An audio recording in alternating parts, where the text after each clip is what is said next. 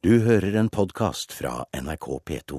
I dag ble første del av opptakene fra rettssaken mot Arne Treholt offentliggjort. For første gang siden Treholt ble dømt for spionasje i 1985, kan vi høre ham selv forklare seg i retten. Treholt ble dømt til 20 års fengsel for spionasje til fordel for Sovjetunionen og Irak. Dommen har vært omstridt, og etter en dom i Høyesterett i juni i år avgjorde påtalemyndighetene at opptakene fra den åpne delen av rettssaken kunne utleveres. Jeg skal da spørre dem om de erkjenner dem skyldig etter den tiltalen som jeg nettopp har lest. Jeg har aldri ved noen anledning røpet opplysninger som går på rikets sikkerhet eller militære hemmeligheter. Jeg kan derfor heller ikke si meg straffeskyldig i noen av de åtte punkt som tiltalen omfatter.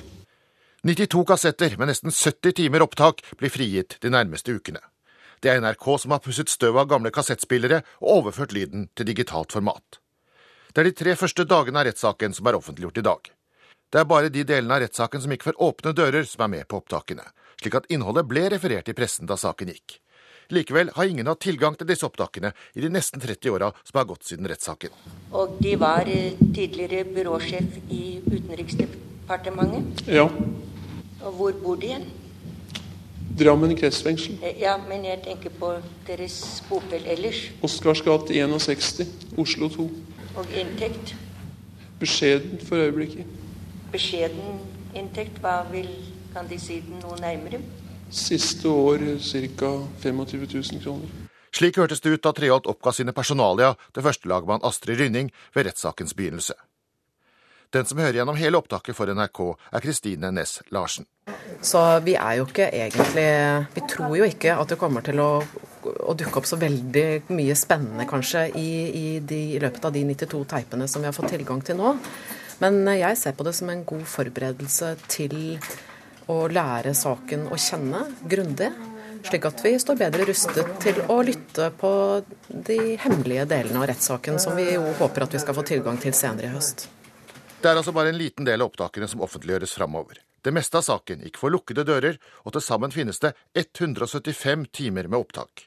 Det er Politiets sikkerhetstjeneste som seinere skal avgjøre om dette kan utleveres til mediene.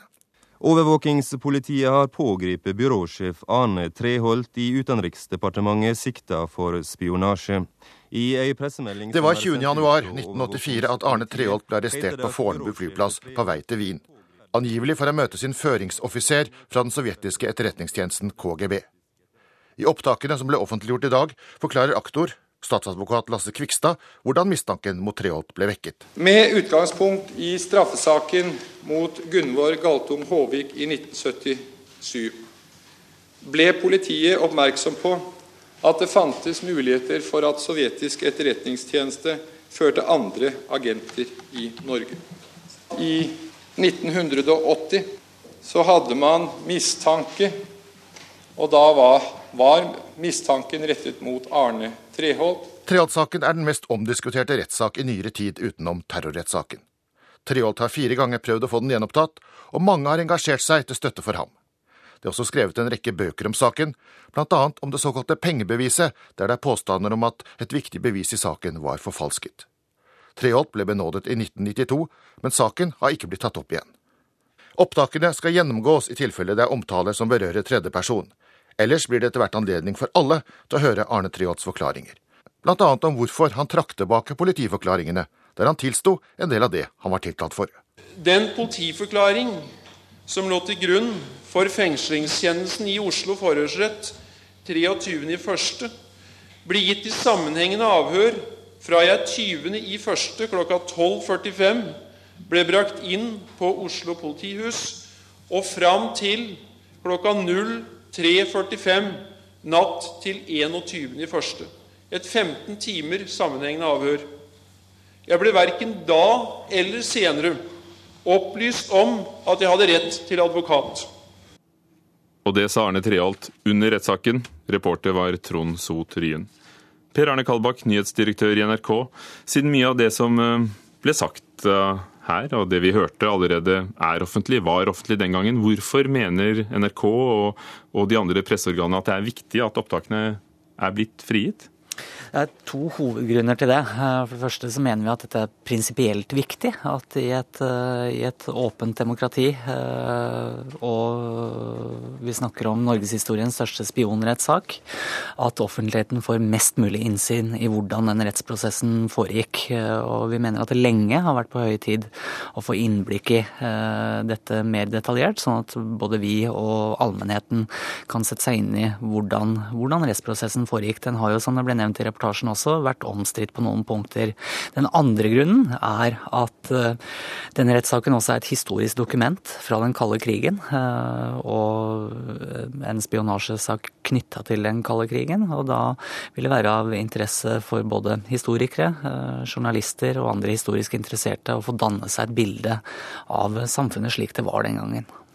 Siden det foreløpig er rundt en fjerdedel bare av materialet som blir tilgjengelig, fordi de andre er eh, unntatt offentlighet, eh, vil ikke det også da kunne være med på å gi et eh, falskt bilde av hvordan rettssaken foregikk, og dermed undergrave respekten for det som er en rettskraftig dom? Jeg håper ikke det, men det er klart det vil gi et ufullstendig bilde. Eh, og det vil dessuten gi et bilde som egentlig er det samme som i stor grad er kjent for offentligheten fra før. Eh, altså alle de delene vi vil få tilgang til, og som folk kan høre. Eh, på nett og radio og TV etter hvert, er ting hvor informasjonen er kjent fra før. Men det er noe med at eh, når man faktisk får høre hvordan ting foregikk, så utfyller det et bilde. Eh, det gir deg mer inntrykk av hvilken sammenheng rettssaken foregikk i, hva slags historisk kontekst. Men det er klart at vi mener også at de delene som var unntatt offentlighet den gangen, de delene av rettssaken som gikk for lukkede dører, at de også er viktige deler av dette bildet. Og den viktigste delen delen, de viktigste delene av bevisføringen foregikk jo i de delene av rettssaken vi ennå ikke har fått eh, tilgang til. Og nå har NRK sammen eh, med da til sammen 17 eh, mediehus og Presseforbundet bedt om tilgang til det også. Hvilke forhåpninger gjør du deg? Jeg har både håp og tro om at vi vil få tilgang til det alt vesentligste av dette, og at eh, offentligheten dermed også eh, får tilgang til det. Påtalemyndigheten har jo nå av Høyesterett fått en frist til 30. oktober, hvor de skal begrunne hvilke konkrete deler av saken de mener fortsatt må være unntatt eh, offentlighet. Så vi venter jo på hva de vil komme med der. For i en spionasjerettssak så vil du vel forstå at det er ting som kanskje er klausulert ennå? Uh, vil absolutt forstå at uh, der og da i hvert fall er stor grunn til å holde, holde deler av bevisførselen for lukkede dører. Men det er også viktig å huske på at eh, dette er en rettssak eh, som foregikk i den kalde krigens eh, skygge. Forholdet mellom øst og vest er et helt annet nå enn det var da. Og konfliktlinjene i verden går helt andre steder. Så jeg mener at vi snakker tross alt om 28 år gamle etterretningsopplysninger. Jeg mener det må en god begrunnelse til for å fortsatt hemmeligholde disse. Det har tatt eh, mange år. Det begynte i 2006, forespørselen om å få de opptakene som eh, man har begynt å lytte til i dag. Hva er din forklaring på at det har tatt så lang tid, og hvorfor har dere ikke gitt dere? Nei, Forklaringen eh, må man, nesten, må man nesten spørre andre enn meg om, hvorfor dette har tatt så lang tid. Vi snakker nå om de åpne delene. De tingene vi har holdt på i sju år for å få, er altså informasjon som er kjent allerede. Men PST, Politiets sikkerhetstjeneste og påtalemyndigheten har vært lite villige til å gi denne tilgangen. Men de sier jo også selv eh, at, eh, at, de ser noe annerledes på dette nå. Så jeg håper at dette var et gjennombrudd for åpenhet i denne saken, også når det gjelder de tre fjerdedeler av saken som vi ennå ikke har fått eh, tilgang til. Og så har vi ikke gitt oss, fordi i et uh, åpent demokrati så mener vi det er viktig at allmennheten får tilgang til uh, informasjon som har offentlig interesse, og derfor så har vi fortsatt å mase i disse sju årene. Og vi kommer til å fortsette så lenge det er nødvendig. Takk, Per Arne Kalbakk, nyhetsdirektør her i NRK.